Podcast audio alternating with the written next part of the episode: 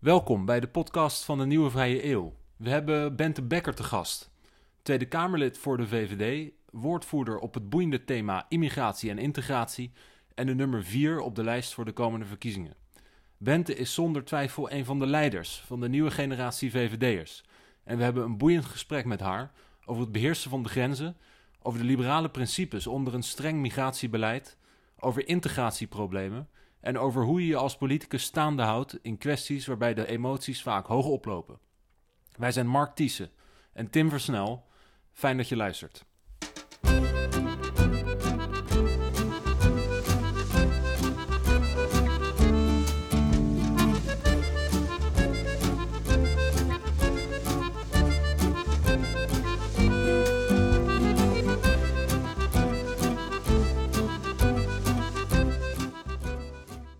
Bente Becker, ontzettend fijn uh, dat je bij ons bent. Um, ja, we ik gaan, vind het superleuk om hier te zijn.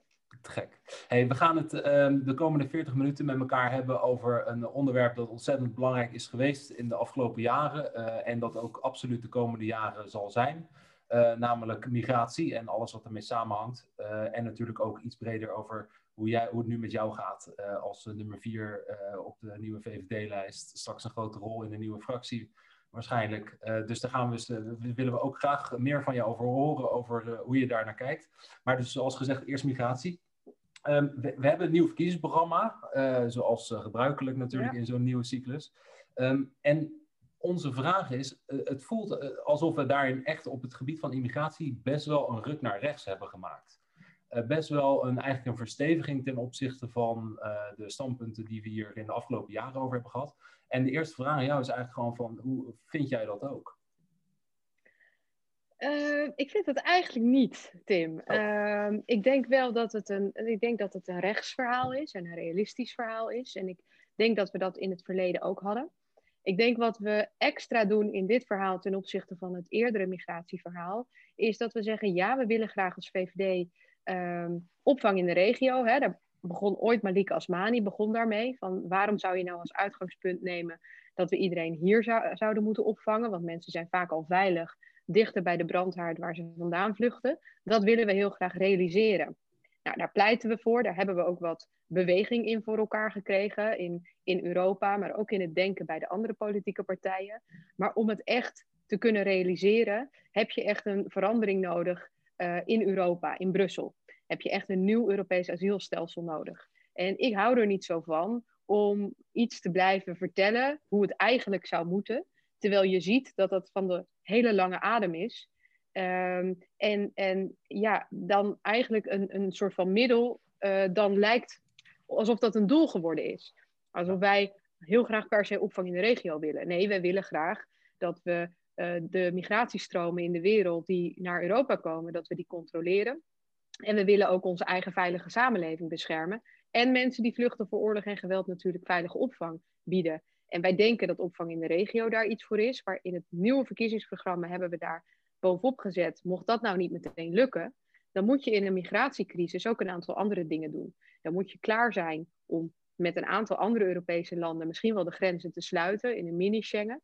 En als ook dat niet lukt, eh, dan moet je ook als Nederland zelf in staat zijn tijdelijk je grenzen te kunnen sluiten. En dus dat is meer dat we laten zien dat we op meerdere borden willen schaken om dat doel te bereiken. Uh, dus dat is geen ruk naar rechts, dat is meer een verdere uitwerking om onze idealen ook daadwerkelijk dichterbij te brengen. Ja. Zeg, zeg je nou eigenlijk dat het niet rechts genoeg is? um, Nou, ik, ik ben de afgelopen periode uh, gebombardeerd door sommige media tot de rechtsbuiten van de VVD. Dus als jullie mij nu vragen of ik, ik niet rechts genoeg ben, dan vind ik dat een interessante vraag. Gaan we het zo over hebben hoor, trouwens. Ik vind het wel een van de nou, problemen bij die discussie hè, over immigratie. gaat altijd over, uh, eigenlijk is het zwart-wit, links, of, links en rechts. Ja, ja. En, en uh, ik worstel dus daar zelf een beetje mee, omdat ook voor mezelf best wel moeilijk kan kon onderbouwen waarom ik neig naar minder van een bepaalde type immigratie. Hè? Dus het is vaak ook, mhm. het begint met een gevoel, als ik daar heel eerlijk over. Wat zeg je? Welk type immigratie dan? Oh nee, dus, ja, met name de immigratie op het gebied van, eh, van uh, uit, uit Noord-Afrikaanse landen, uit uh, Sub-Sahara-Afrika, eigenlijk illegale, vrij immigratie die ook leidt tot vrij, vrij kansloze bestaan in Nederland. En ook zeer geïsoleerde groepen die ons zelfs op lange termijn weinig band met onze samenleving opbouwen. en wij met hun, wat ook aan ons kan liggen natuurlijk. en, en, dan, maar, en dan kom je pas als je echt gaat waarom vragen. Hè? Dus ik hoor jou ook praten vanuit een standpunt, namelijk hè, we willen controle krijgen over de immigratie. En misschien kunnen we het gaan hebben over, maar waarom willen we dat dan? Hè? En wat, zijn dan, wat is dan eigenlijk het principe achter dat we dat willen? En ja. ik hoorde Klaas Dijk, ik heb laatst een heel goed boek gelezen van Klaas Dijkhoff en de Nongast. Uh, ik weet niet meer hoe die heet, Tim. Ja, in, uh, in Tim. Ja. ja, Tim. In Tim.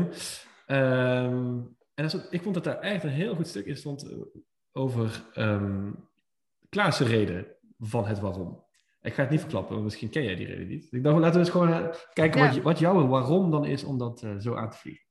Ja, ja nou, uh, fijn dat ik daar gelegenheid bij jullie wat uitgebreider voor krijg. Want je wordt, vaak wordt inderdaad alles op één hoop gegooid.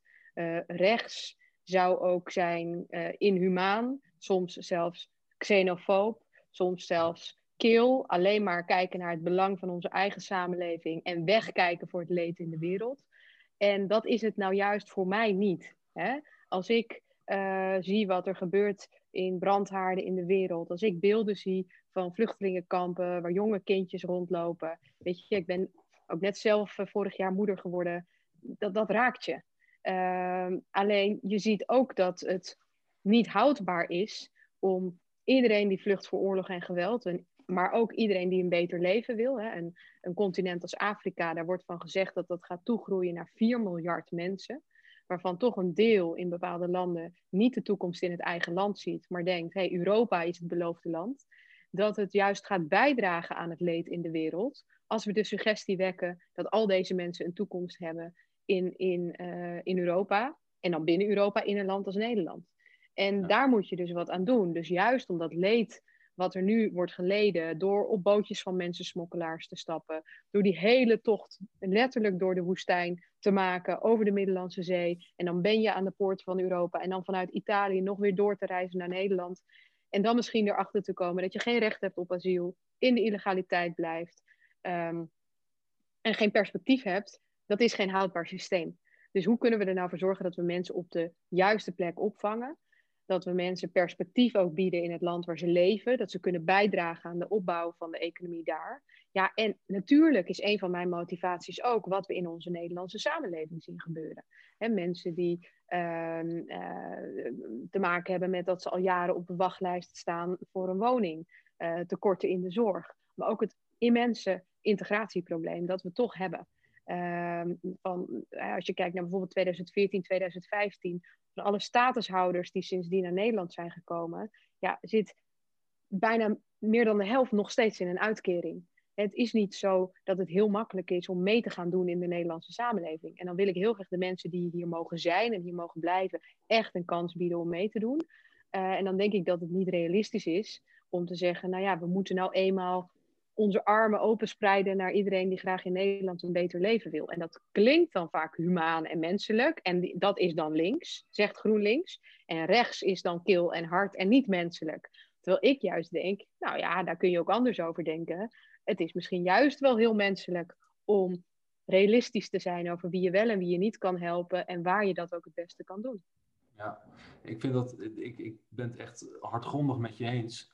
Um, en ik ben, ik ben raadslid in Rotterdam hier sinds 2018. En uh, nou ja, dan, dan, kom je nog eens ergens. En uh, uh, het is mij echt, um, echt ongelooflijk tegengevallen eigenlijk hoe groot de problemen zijn. als gevolg van zeg maar, die structurele, te grote, ja. echt kansloze immigratie eigenlijk. In een, heel, in een heleboel buurten en wijken in Rotterdam.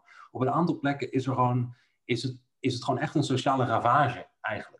Uh, het, het, is, er is geen samenleving, er is geen gemeenschap, uh, er is alleen maar, ja, er zijn transitbuurten met mensen waarin soms in een hele straat geen twee mensen dezelfde taal spreken, um, waarin er grote pro sociale problemen zijn, uh, achterstanden, ja. um, werkloosheid. en het is niemand schuld, behalve van degene die niet wil erkennen dat dit onvermijdelijk is als je mensen uh, door, doorlopend met een veel te grote afstand in allerlei opzichten tot onze manier van leven, hier maar naar binnen laat komen. En het, en het verder negeert. Ja. En, en, en dan hoor je van linkse vrienden, ja, maar we moeten beter voor ze zorgen enzovoort. Maar uiteindelijk, er is maar zoveel wat je kan doen. Hè? En, en uiteindelijk, uh, die, die integratie is ook onderdeel worden van de samenleving. Uh, bedoel, dat is niet iets wat je allemaal door ambtenaren kunt laten doen, uh, door, door gemeenschapsgeld betaald, als je al de mensen zou kunnen vinden, als je al het geld ervoor zou hebben. Uiteindelijk moeten mensen ook gewoon onderdeel worden van de groep, van de samenleving in mensen. En dat absorptievermogen is gewoon beperkt, denk ik. Dat, dat is niet ja. wat je ziet. En dat moet nou, ik denk dat het wel, uh, ik denk dat het wel goed is. Uh, ik, ik ben nu ook bijna vier jaar integratiewoordvoerder. En ik vind wel dat integratie is een soort van containerbegrip geworden. Waar veel meer mensen zich door aangesproken voelen dan jij en ik misschien bedoelen. En want jullie hebben het inderdaad ook over de, de migratiestromen van mensen die nou ja, nu net naar Nederland zijn gekomen. Soms voor een beter leven, soms omdat ze uit de oorlog komen. Um, en, uh, en die hier echt nog moeten integreren, omdat ze de taal niet spreken, omdat ze heel ver afstaan van onze cultuur. Maar je hebt natuurlijk ook mensen die zijn uh, hier als gastarbeider gekomen. En daar hebben we inmiddels te maken met de derde generatie. Gewoon gasten die, en, en, en meiden die zeggen: Hallo, ik ben Nederlander. Uh, ik spreek de taal, ik ga naar school. En, en die, merk ik, zich toch soms aangevallen voelen door het VVD-verhaal, omdat ze het idee hebben: Oh, de VVD vindt dat ik moet integreren. En daar zeg ik altijd tegen, weet je, dit verhaal gaat niet over jou. Als jij meedoet, als jij de taal eh, gewoon, gewoon spreekt, dat je, je, je, je bent Nederlander en je hoeft echt niet uh, allemaal van hetzelfde te houden en, en, naar dezelfde muziek te luisteren. We hoeven echt niet allemaal op elkaar te gaan lijken, als we maar op een positieve manier meedoen in de samenleving. Daar zie je wel het probleem dat sommige mensen, ook al zijn ze hier geboren, weer met de rug naar de samenleving komen te staan. Nou, dat heeft allerlei oorzaken. Hè, en, en, en, daar kun je heel lang over, over praten waar dat door komt. Maar je ziet bijvoorbeeld dat in de Turkse gemeenschap dat een kwart van de mensen zich geen uh, Nederlander voelt, maar voornamelijk Turks. En dan, als je hier bent geboren, is dat natuurlijk heel raar. En dat vind ik wel een integratieprobleem. Uh, nou, daar moeten we het misschien een andere keer uitgebreider over hebben. Ja. Maar die mensen kun je allemaal natuurlijk niet meer bereiken met inburgering. Nee. dat, is, dat, is, dat, is zo, dat is zo gegroeid. Uh, maar dat, dat, dat pleit er wel voor dat je heel voorzichtig bent met hele grote groepen nieuwkomers daarbovenop nog weer naar Nederland te laten komen, die je dan een inburgeringscursus laat volgen. En heel vaak krijgen ze dan wel een inburgeringspapiertje, maar spreken ze nog steeds niet voldoende de taal en zijn ze nog steeds niet voldoende aan het werk. En dat zijn dan die mensen, Tim, waar jij het over hebt, die dan in die, nou ja, zoals jij dat dan noemt, transitwijken, die ingeburgerd en wel achter een voordeur verdwijnen uh, en geen onderdeel zijn van de samenleving. Nou, en ik probeer daar uh, met name ook voor kwetsbaren in dit soort gemeenschappen. Daar hebben wij natuurlijk als liberalen ook lang van gezegd. Hè, van joh, wat achter die voordeur gebeurt, daar bemoeien wij ons niet mee. Uh, maar er zitten natuurlijk ook heel veel vrouwen bijvoorbeeld in gewoon een situatie van onderdrukking. In de cultuur van het thuisland. In het gevoel van jij mag niet werken, je mag niet meedoen. of erger. Ja. Ehm, en, uh, en, en nou ja, daar, wij hebben lang gezegd, we komen niet achter die voordeur als liberalen. Linkse partijen hebben vaak gezegd, dit is nou helemaal hun cultuur, daar bemoeien we ons niet mee. Uh, ik vind het ook een belangrijke integratieopgave dat we deze mensen helpen om daadwerkelijk vrij uh, te worden. En dat is nog lang niet zo. Dus helemaal terecht wat je zegt. Um, laten we eerst zorgen dat mensen die hier zijn op een goede manier kunnen meedoen. Uh, en niet naïef zijn over wat het betekent als je de, de, de grenzen meer wagenwijd openzet. Ja, en in het programma staat dan ook uh, dat, dat, uh, dat we dus migratie om deze reden moeten proberen te beperken. En dat het, dus ja. het migratiesaldo ook nul kan zijn. Ja, dat klopt. ja. En is dat iets waar, waar jij voor bent? Om, om echt te zeggen van joh, we moeten gewoon een tijdje met de mensen die hier al zijn proberen een succes van te maken. En pas daarna hebben we weer ruimte? Ik ben er voorstander van dat je draagkracht van de samenleving en ook draagvlak voor migratie, dat je dat mee laat wegen in, in hoeveel ruimte je als, als samenleving biedt. En ik had toevallig vandaag nog een debat met allemaal andere politieke partijen bij een jongerendebat. En daar werden wij echt beticht als, alsof we de afgelopen jaren niet gastvrij zouden zijn geweest als Nederland. En weet je, na de oorlog in, in, in Syrië, bij de oorlog in Syrië, staat Nederland in de top drie van landen die plek hebben geboden aan mensen die gevlucht zijn, maar wel via hervestiging. Dus mensen die zich netjes hebben gemeld in de regio, daarvan hebben we gezegd, je bent echt erkend vluchteling. We gaan ook een aantal mensen naar Nederland halen. Hebben we enorm veel mensen uh, die op dit moment nog moeten integreren. En die nog aan een, aan een baan moeten komen, die de taal nog moeten leren. En ik ben er ontzettend voorstander van dat je naar opvang in de regio gaat. En dat je als je dat op een goede manier hebt georganiseerd, dat je dan vervolgens zegt, nou, iedereen die zich netjes meldt in de regio, die echt erkend vluchteling is, een deel daarvan gaan we als Nederland ook hier een plekje voor bieden. Maar dan kijken we wel of dan op dat moment onze samenleving dat ook aan kan. En als op dat moment we zien dat een heel groot deel. We hebben, moeten jullie ook weten, we hebben op dit moment duizenden mensen in Nederlandse asielzoekerscentra zitten, die al een status hebben, maar nog geen plek hebben in, in een gemeente om daadwerkelijk te worden gehuisvest. En dat zijn dan vaak diezelfde gemeenten die zeggen: oh, we moeten meer mensen hier naartoe halen in het kader van de brand in Kamp Moria. Dan zeg ik, ja, daar willen jullie plek aan bieden. Maar die echte statushouders, die zitten nog altijd te wachten op, op perspectief. Dus laten we eerst kijken naar het daadwerkelijke perspectief hier. En dan kan het heel goed zijn dat je ook een paar jaar zegt, nou ja, er is nu even geen ruimte dit jaar om daar weer mensen bij te zetten. Die je dan dus maar weer in een asielzoekerscentrum misschien jarenlang moet zetten. Of je moet ze voorrang gaan geven op sociale huurwoningen. Nou, dat is weer een andere discussie. Dat doen we nu op dit moment heel, heel vaak. En dat vind ik echt onrechtvaardig voor mensen die zes, zeven jaar lang op een wachtlijst staan. Ook kwetsbaar zijn. Hier gewoon al hun hele leven wonen. En dan met leden ogen moeten aanzien hoe iemand uh, uh, die, die gevlucht is voorrang krijgt. Ja. Um, ja, dus het is, het is hoe je kijkt naar wat je eerlijk vindt. En ik vind het eerlijk om, om ja, daarmee te doen wat wij in ons verkiezingsprogramma hebben staan. Ja. Het, zijn wel, het zijn wel allemaal um, zeg maar, situatiegerelateerde uh, argumenten om tegen immigratie te zijn. Hè? Dus, want als je zo denkt, kan je ook zeggen, maar als er heel veel ruimte op de woningmarkt is, en we zien dat de criminaliteit in de tweede generatie ineens significant daalt, ja, dan kunnen we net zo goed meer immigranten nemen. Dus er zit geen principiële punt in of zo. Hè? Dus het, kan veranderen. Nou, er zit wel een principieel punt achter. Uh, dat is een goede, goede vraag. Uh, want um, het beschermen van je samenleving en het beschermen van je grenzen, dat vind ik echt uh, een liberale taak. Juist om de mensen die in die samenleving zijn en die daar in vrijheid en welvaart leven, om die de kans te geven dat ook te blijven doen in de toekomst. Kijk, en het liefst, hè, als je heel idealistisch zou spreken, zou je zeggen, joh, um, niemand kan er iets aan doen waar zijn wieg staat. En ik gun iedereen de welvaart en de vrijheid en de veiligheid van Nederland. Dat is ook zo. Alleen, dat, dat, die vrijheid en die welvaart gaan we juist weggooien als we iedereen uitnodigen om daar hier gebruik van te maken. Dus het is ook een principieel punt dat er grenzen zitten. Paul Scheffer noemt dat de vrijheid van de, hè, de, vrijheid van de grens. Je hebt grenzen nodig om je vrijheid te verdedigen. En, en uh, dus het is niet zo pragmatisch als jij het zegt van, nou ja, als er uh, uh, morgen misschien opeens heel veel extra huizen zijn, dan gaan we heel veel extra mensen hier naartoe laten komen. Wat natuurlijk wel iets anders is, want dat wil ik dan ook nog wel even zeggen. Kijk, je hebt het over immigratie. Er zijn heel veel vormen van immigratie. En je ziet iemand als Thierry Baudet dat allemaal op één hoop gooien. Die komt dan met uh, migratiesaldo van zoveel honderdduizend immigranten zijn er naar Nederland gekomen onder de kabinetten Rutte. Grootste deel daarvan uh, zijn expats, uh, Europese arbeidsmigranten, kenniswerkers, mensen die hier komen omdat ze verliefd op iemand zijn geworden. Het grootste deel is, ja, noem ik, reguliere migratie.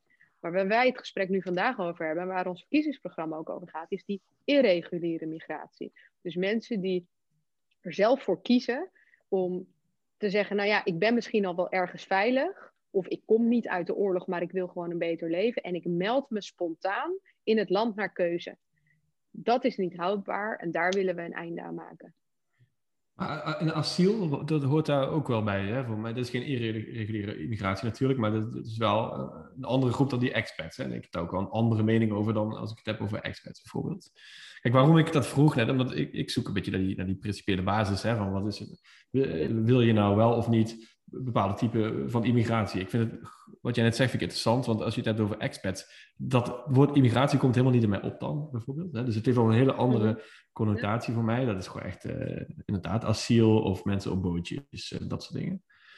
Um, ik denk... Uh, ja, ik vind het lastig hoor. Ik, Klaas, Klaas Dijkhoff had het over de polis. En dat lijkt een beetje op wat jij ook zei. Namelijk het beschermen van je, van je grenzen, van je samenleving. Hij wil de polis beschermen. En daar hoort ook bij dat je gewoon niet, in ieder geval niet in een bepaalde mate, een bepaalde vormen van immigratie onbeperkt toe, toe kan uh, staan. Hè? En hey, ergens moet je sowieso een grens trekken. Hè? Dus, dus ook Moria is gewoon, uh, Moria naartoe laten is ook een, trek je een grens. Hè? Dus als je links bent, ja, je kunt wel rechtse mensen vergelijk, verwijten dat ze de kinderen of wie dan ook op Moria niet toelaten.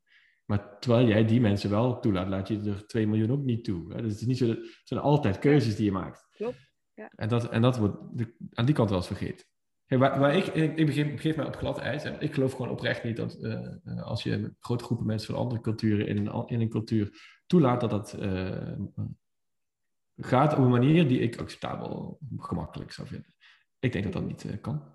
En dat is een beetje wat Stef Bos ooit zei, Stef Bos, Stef Blok ooit zei, waar hij totaal voor onderuit geschoffeld wordt. Dus echt een, zeg je dat? Ja, glad ijs, hè? Maar volgens mij is dat, voor mij is dat wel een beetje de, de principiële basis. Ik denk ja, dat het ik denk, ik denk dat het, uh, ik denk dat het niet per definitie zo is, hè? Dat is. Dat is wat ik dan toch ook wel weer gezegd wil hebben. Er zijn ook echt mensen die komen uit een andere cultuur.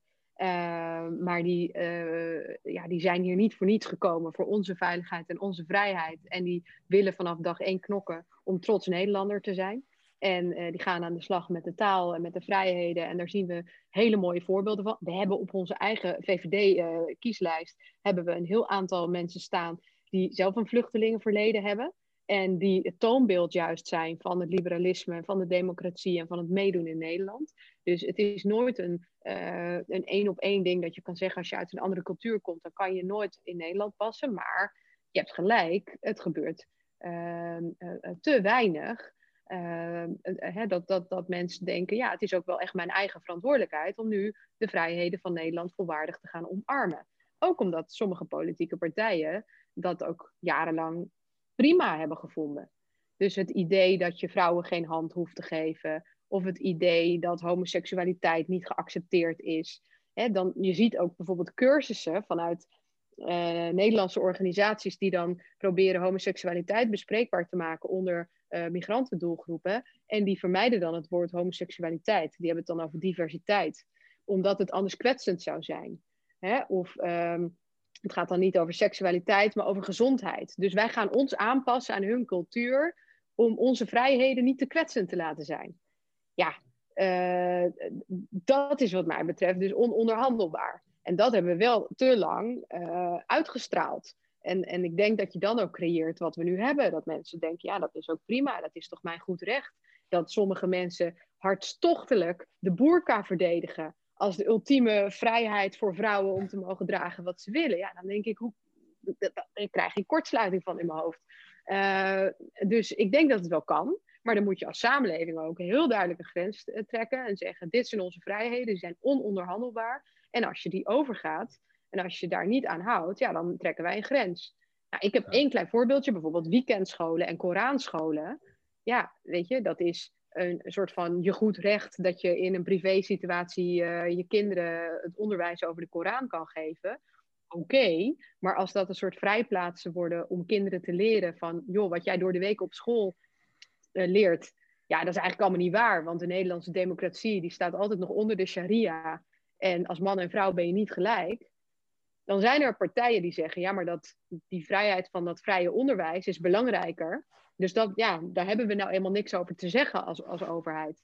Ja, daarvan zeg ik, dat is echt doorgeslagen vrijheden verdedigen waar ze niet voor bedoeld zijn. Wij willen nu bijvoorbeeld daarom graag toezicht op die weekendscholen en die Koranscholen. Dus uh, um, terechte vraag. En, en daar moeten we dus ook wat mee als politiek. En niet uh, zeggen van nou laat duizend bloemen bloeien en in, in iedere cultuur. Edith Schippers zei dat mooi hè, in haar HJ de schoollezing ooit. Die zei van ja, onze cultuur is echt wel beter dan andere culturen. Want wij hebben vrijheid. Wij, wij vinden dat vrouwen gelijkwaardig zijn. Wij onderdrukken homo's niet. Uh, en dat zie ik ook zo. Ja, we hebben dus door schade en schande ook ondervonden dat een vrij mens worden, dat is nog niet zo makkelijk. Dus dat, dat kan alleen maar druppelsgewijs eigenlijk. Niet iedereen wil vrij zijn, hè? Nee. Als dat zo was, als dat zo was, was deze podcast niet nodig. nee, en sommige mensen noemen dat dan de ultieme vrijheid. Het gaat mij niet om individuen, hè? Dat is volgens mij uh, dat is een goed punt dat jij, uh, hoe jij reageert op mij. ik bedoel niet, een persoon kan hier niet aarden. Hè? Wat ik bedoel is, het gaat om de wet van, van, uh, van grote getallen. En, en dat is immigratie, dat is per definitie zijn dat massabewegingen. Uh, en dan krijg, kom je in een situatie waarin als bepaalde groepen groeien in een land waar een van oudsher gewoon in de groep is, dat je frictie krijgt. Dat is echt. En dat, heeft ook geen, dat, is niet, dat betekent niet dat één groep goed of slecht is of zo. Maar dat is vrijwel een automatische gebeurtenis. En, en, en um, ik denk bijvoorbeeld ook dat dat het deel is waarom het. De, reden, een deel van de reden is waarom het misgaat uh, op, op integratiegebied. Niet zozeer 100% aan de mensen te wijten die hier naartoe komen. Maar ook omdat je als samenleving zelf eigenlijk niet verwelkomend genoeg kan zijn of bent om ervoor te mhm. zorgen dat mensen volledig integreren vanwege gewoon het aantal. Ja, maar ook, nee, maar ook omdat, wij, omdat je daar niet helemaal open voor staat, onbewust misschien, hè, je, als samenleving. Dat is gewoon, dat er zijn gewoon zaken als racisme die meespelen. Er is uh, waarschijnlijk meer aandacht voor dingen die direct met je eigen groep te maken hebben dan met de andere groep. Dus het is, het is heel lastig om dat echt te laten werken. Ja, nou ja, daar hebben wij ook als VVD wel. Zo heel mag, mag ik heel kort in, want ik weet dat we korte tijd hebben. Maar daar hebben wij ook als VVD wel een ontwikkeling in gemaakt. Hè? Want uh, dat hebben we bijvoorbeeld bij de inburgering gezien. Daar hebben we uh, gezegd van, nou, mensen komen hier nieuw naartoe, zij willen hier meedoen, het is hun eigen verantwoordelijkheid. En uh, dus je gaat geld lenen om in te burgeren en dan ga je de taal leren. Ja, wat ontstond er? Ook wel doordat de overheid er onvoldoende toezicht op heeft gehouden en onvoldoende begeleiding heeft geboden, maar daar kun je lang en kort over praten. Maar wat ontstond er? Uh, taalcowboys die profiteerden van inburgeraars en inburgeraars die niet inburgerden. En dan kan je heel mooi zeggen, het is mensen hun eigen verantwoordelijkheid. Maar ja, kom hier maar eens als uh, analfabete persoon uit Eritrea naartoe, terwijl je nog nooit onderwijs hebt gehad. En ga maar eens in Nederland integreren. dus ja, wij hebben. Nee, is niet te doen. En dan woon je misschien ook in een wijk waar ook nog niet eens mensen überhaupt de taal spreken. Dus ja, dan, dan moet je niet raar opkijken. En dan sta je dan mooi met je liberale principes. Uh, alleen mensen die zitten dan uh, ongeïntegreerd thuis. Dus daarom hebben we wel gezegd, we willen graag een hele nieuwe manier van inburgeren met echt een persoonlijk integratieplan met iedere inburgeraar. Meer mensen helpen, meer mensen ontzorgen aan het begin. Ook wat meer van ze verwachten. Gewoon echt een taalniveau waarmee je ook op de, op de arbeidsmarkt echt aan de slag kan. Ook wat meer die vrijheden centraal. Dus dat je echt moet leren over die mensenrechten. In plaats van of je in Nederland nou wel of niet je stofzuiger in het stopcontact mag laten zitten. Waar nu vaak de inburgering over ging. Ehm, en ik hoop echt dat we daar verschil mee gaan maken. Maar ja, voor heel veel mensen is dat natuurlijk ook wat te laat. Dat is wel de harde, harde realiteit eigenlijk heb je dus een, een, verantwoordelijkheid om, om die grenzen te bewaken. Hè? Ten eerste op, op, het gebied van wie er binnenkomt. En aan de andere kant ook uh, om grenzen aan te geven wat hier acceptabel is. Maar je hebt ook een verantwoordelijkheid om als mensen hier binnen zijn, en dat geloof ik echt heel sterk, en dat zeg je eigenlijk ook, dan moet je alles op alles zetten om ervoor te zorgen dat die mensen slagen. Hè? Dat is, je kunt dat niet aan het, bijna niet aan die mensen individueel overlaten. Dat is echt zeer, zeer moeilijk. Zeker als je, als je uit landen zoals Eritrea komt. Het is een collectieve inspanning om ervoor te zorgen dat die mensen slagen. Eens. Vind ik een mooie... Vind ik een mooie Eens. Alleen dat is wel iets anders. En zo wordt het dan soms in het verleden. Hebben we ook inburgeringsstelsels gehad. Waarbij we zeiden dat is onze collectieve verantwoordelijkheid. Alleen dan was er geen stok achter de deur. Ja. Dus uh, dan zag je toch lege klaslokalen. Want er werd heel veel aangeboden. Maar als je er geen gebruik van maakte, was er geen consequentie. En je moet natuurlijk ook niet, en dat kan ik mensen ook niet kwalijk nemen. Maar als jij uit een land komt waar. Uh, ja, ja, bij, bij wijze van spreken gewoon de normale voorzieningen, zoals we dat hier qua gewoon sanitair, een keuken, luxe van alle producten in de supermarkt. En, en je krijgt ook nog maandelijks geld op je rekening. En je hebt net een hele moeilijke situatie meegemaakt.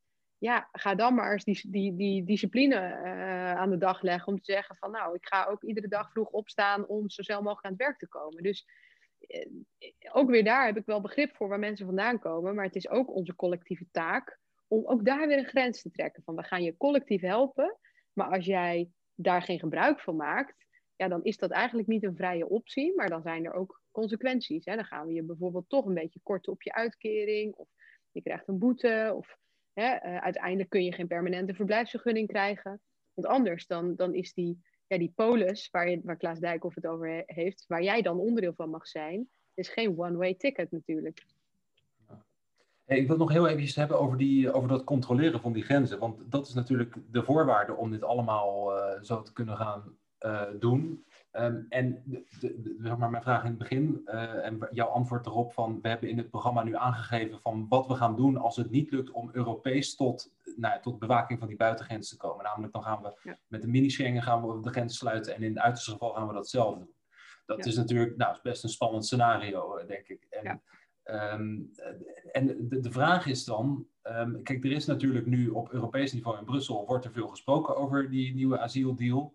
Er wordt natuurlijk in Europa ook ontzettend verschillend over gedacht, zowel langs politieke lijnen als langs allerlei nationale belangen. Um, dus mijn vraag aan jou is hoe zie je dat dan nu de komende jaren ontwikkelen? Zeg maar, hebben, zitten we dan over vier jaar, zitten we dan met mini-Schengen en of Nederlandse dichte grenzen? Of hebben we dan echt die deals gemaakt rondom, met die landen rondom Europa? En daarbij ook gelijk de vraag, die deals met die landen rondom Europa, dat vergt dus dat landen zoals, nou, zoals Libië, Tunesië, Marokko, dat die landen, dat die in feite daar een Europese grens uh, hebben. Uh, dat betekent dat er aan de verkeerde kant van die grens niet altijd, uh, zal het niet altijd even gezellig aan toe gaan. Um, en ik vraag me wel eens af, hebben wij Europeanen daar wel zeg maar, de maag voor? Om dat te gaan laten bestaan. Ik ben heel benieuwd hoe je daar naar kijkt. Hoe mm. reëel is dat scenario? Ja, nee, een hele terechte vraag. Wordt in Europa al meer dan vier jaar gesproken over plannen die dan toch steeds weer tot een impasse leiden, omdat ja. belangen natuurlijk enorm uiteenlopen. Hè, op dit moment hebben we een Dublin-verdrag en dat zegt in het eerste land van aankomst moet je asiel aanvragen. Ja, dat zorgt natuurlijk dat Griekenland en Italië en Spanje, dat die in principe onevenredig belast zouden, zouden worden. Dus zij hebben er ook een belang bij om, te, om niet goed te registreren en mensen door te laten gaan naar een land als Nederland. Dus het stelsel functioneert op dit moment niet. Dan heb je nog landen als Hongarije, die vanuit hun historie zeggen: ja, wij gaan nooit één vluchteling opvangen. En met deze verschillende belangen moet je tot één Europees asielstelsel komen. Nou, er ligt nu een voorstel voor controle aan de Europese buitengrens. En zeggen van, nou, als je geen asielzoeker bent, kom je gewoon Europa niet in. Alleen dat voorstel is wat mij betreft op dit moment niet streng genoeg. Als je 20% kans maakt uh, op asiel, mag je Europa in, in dat voorstel nou ja, dan kan het bijna bij wijze van spreken een aanzuigende werking hebben. Dus heel eerlijk, ik zie dat nog niet morgen lukken. Het Duits voorzitterschap heeft er hard voor gewerkt, maar ja, de Portugezen moeten het nu verder gaan voortzetten. Ik zie het nog niet morgen gebeuren. En dat is precies de reden. We moeten er natuurlijk hard voor blijven inzetten, maar het is precies de reden waarom je ook aan alternatieven moet werken. Ja. En uh, ja, uh, een van die alternatieven is een mini-Schengen, of inderdaad in, in het uiterste geval het sluiten van je grens, maar dat is wel in crisissituaties. Um, en wat we ondertussen moeten doen, helemaal terecht Tim, wat je zegt, ook blijven praten met, met de derde landen, zoals Tunesië bijvoorbeeld, om daar deals mee te kunnen sluiten. Dat zij ervoor zorgen, hè, want op, dat, dat mensen niet uh, überhaupt voor een beter leven naar Europa komen, terwijl ze geen recht hebben op asiel. 40% van de aankomsten in Italië is op dit moment met een bootje vanuit Tunesië. En Tunesië, dat zijn geen mensen die vluchten voor oorlog en geweld, dat zijn mensen die missen economisch perspectief. En uh, jij zegt, hebben we daar de maag dan voor? Dat dat soort landen uh, misschien wel op een nou ja, hardhandige manier mensen gaan tegenhouden om te migreren. Ik denk dat we meer moeten doen dan daar de maag voor te hebben. Ik denk dat we moeten zorgen dat dat niet zo nodig is, dat we daar de maag voor moeten hebben, omdat we wel werken aan verbetering van de omstandigheden in Tunesië. Bijvoorbeeld door Tunesië meer mogelijkheden te geven om met Europa handel te drijven, met ons handel te drijven.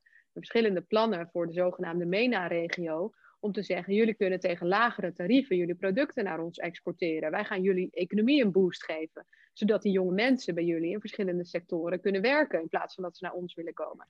Uh, dat zijn allemaal dingen die je volgens mij zou moeten doen. Uh, als je ook echt wil waarmaken dat mensen niet hier naartoe komen. En dat is natuurlijk iets anders dan wat een PVV of een Forum zeggen. Eigenlijk gewoon, ja, wij sluiten de grenzen en we beschermen Nederland. En uh, nou, is natuurlijk één niet realistisch, want dan heb je een nexit. En wat doet dat met banen in Nederland en met veiligheid, hoe je in de wereld staat? Um, maar het zegt ook gewoon dat je dus verder helemaal vindt dat je niet verantwoordelijk bent voor al het leed in de wereld, maar alleen maar naar Nederland kijkt. En ik vind wel dat je als wel, welvarend land ja, ook een verantwoordelijkheid kunt nemen om niet alleen te zeggen mensen mogen niet hierheen komen, maar we gaan jullie wel daar op een effectieve manier helpen. En dan is handel daar een hele effectieve manier voor. Hey, um, we gaan alweer uh, richting de laatste paar minuten. Um, ik, ik, heb, ik heb nog één vraag die me echt bezig heeft gehouden. Jij, jij was woordvoerder natuurlijk op dit onderwerp al toen, uh, toen die hele situatie rond Moria speelde. Ja.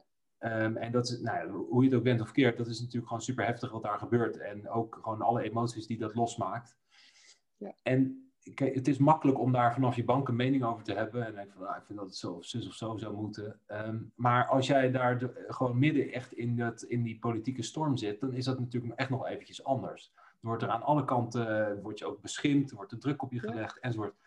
En toen, dus ik, ik wil gewoon vragen, hoe, hoe gaat dat? Hoe, hoe was dat? En hoe hou je jezelf daarin staande? En welke lessen leer je dan in zo'n situatie? Ja, uh, mooie vraag. Uh, het, was, het was en het is soms ook moeilijk om deze portefeuille te hebben. Juist omdat je meer woorden nodig hebt dan uiterst links. Van zeggen van nou, iedereen die toch in, de, in, de, in, in ellende zit is welkom. Dus het is makkelijker, klinkt menselijker. En ook meer woorden nodig hebt dan uiterst rechts. Namelijk uh, grenzen dicht, want genoeg is genoeg. een realistisch verhaal heeft meer woorden nodig. En die woorden, die, die tijd krijg je niet altijd in de, in de, in de media. Het is toch vaak, uh, wordt er gevraagd om een quote. En nou ja, er wordt toch heel veel druk uitgeoefend door bekende Nederlanders, door allerlei mensen die vooral het leed laten zien en zeggen als je niet nu al die kinderen naar Nederland haalt, dan ben je eigenlijk inhumaan. En dat is, vind ik, best persoonlijk ook moeilijk, omdat wat ik aan het begin zei, ik geef ook net zoveel om dat leed van die mensen. Alleen ik geloof oprecht dat we ze niet helpen door ze onder hè, een, een, vals perspectief te geven van een toekomst in Nederland. Het grootste deel van de jonge kinderen die in die kampen zat, had geen recht op asiel. Dus die, die kwamen uit, uit landen als Pakistan. En die zouden hier nooit recht krijgen op asiel. Dus daardoor heeft uiteindelijk ook, we hebben er honderd mensen uiteindelijk toegestaan om naar Nederland te komen in, in, in afspraak in de coalitie. Is er uiteindelijk bijna niemand gekomen die in dat kamp heeft gezeten. Um, en dat, dat is de realiteit geweest. En uh, die, die realiteit toch uit te blijven leggen en toch te blijven zeggen waarom je het doet en waarom dat menselijk is, dat zie ik echt als mijn verantwoordelijkheid. En dan vind ik het altijd, raakt het me natuurlijk als mensen dan zeggen wat kil en wat onmenselijk. Maar ja, ik doe het wel omdat ik van mezelf echt weet wat erachter zit. En echt gemotiveerd ben om um, nou ja, dat ook aan mensen uit te leggen. Uh, we doen dit om die mensen te beschermen, om die mensen geen valse voorwenselen te geven van, van, van een perspectief dat er niet is, en onze samenleving te beschermen. Ja, en daar ben ik wel voor in de politiek gegaan. Oh, ik wist toen ik de politiek inging dat het niet makkelijk zou zijn. Nou, ik wist toen nog niet helemaal dat ik deze portefeuille zou krijgen. Zeg ik er ook heel eerlijk bij. Um, maar het is wel wat de politiek ook, ook wel weer mooi maakt. Dat, dat je met dit soort hele moeilijke onderwerpen toch steeds een stapje probeert verder te komen.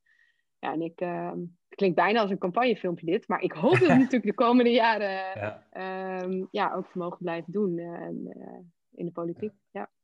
Hey, eh, want je, je hebt er nu al bijna een, dus een nee, je hebt er al een volle termijn op zitten nu. Uh, wat is gewoon de belangrijkste les die je hebt geleerd in die tijd? Wat, wat is de belangrijkste skill die je hebt ontwikkeld als politicus? Um, ik denk wel dat door corona en het feit dat ik in deze hele periode niet op werkbezoek kan en minder mensen kan ontmoeten, uh, dat ik merk wel wat voor verschil dat maakt in mijn werk ten opzichte van toen ik dat nog wel deed. Uh, toen ik iedere week, een tijdje onderwijswoordvoerder geweest en ook als integratiewoordvoerder, ik ging iedere week wel ergens naar een buurthuis of naar school, met de mensen praten. Uh, en iedere keer kwam er wel een idee waar ik wat mee kon in de Tweede Kamer. En dat heb ik de afgelopen periode, ondanks alle online dingen die we kunnen doen, maar heb ik dat heel erg gemist. En ik hoop dat we heel snel de komende jaren die echte ontmoetingen weer kunnen hebben. Dat is echt het meest inspirerend en helpt je als politicus ook het beste om niet in die Haagse bubbel helemaal op te gaan. Maar ook nog te zien van waar doen we het voor en wat leeft er bij mensen. Uh, en, en ja, dat, dat wil ik echt vasthouden. Dat is mijn meest waardevolle les, denk ik. Mooi. Bente Becker, onwijs bedankt uh, voor je komst. We willen heel graag uh, bij een volgende keer nog wat uitgebreider met je doorpraten over integratie en andere onderwerpen na de verkiezingen. Misschien doe je dan wat anders, hè? Dat kan ook. Ja, ja dat kan. Er, er, luistert nu niemand meer. We zitten in de laatste minuut van de podcast. Dus je, mag nu, je, kan nu, je kan nu eindelijk zeggen wat je echt wilt gaan doen na 17 maart. Ja, Zoals Mark Rutte altijd zegt, we gaan met de hoed in de hand naar de kiezer. We staan op nul zetels. We moeten het allemaal nog verdienen. Okay, okay, en daarna gaat het pas over de functies en de poppetjes. Ah, ja. Oké, oké. Dankjewel. Succes met je campagne en uh, tot snel. Yes, ja, jullie bedankt. Dankjewel. Doei. Doei.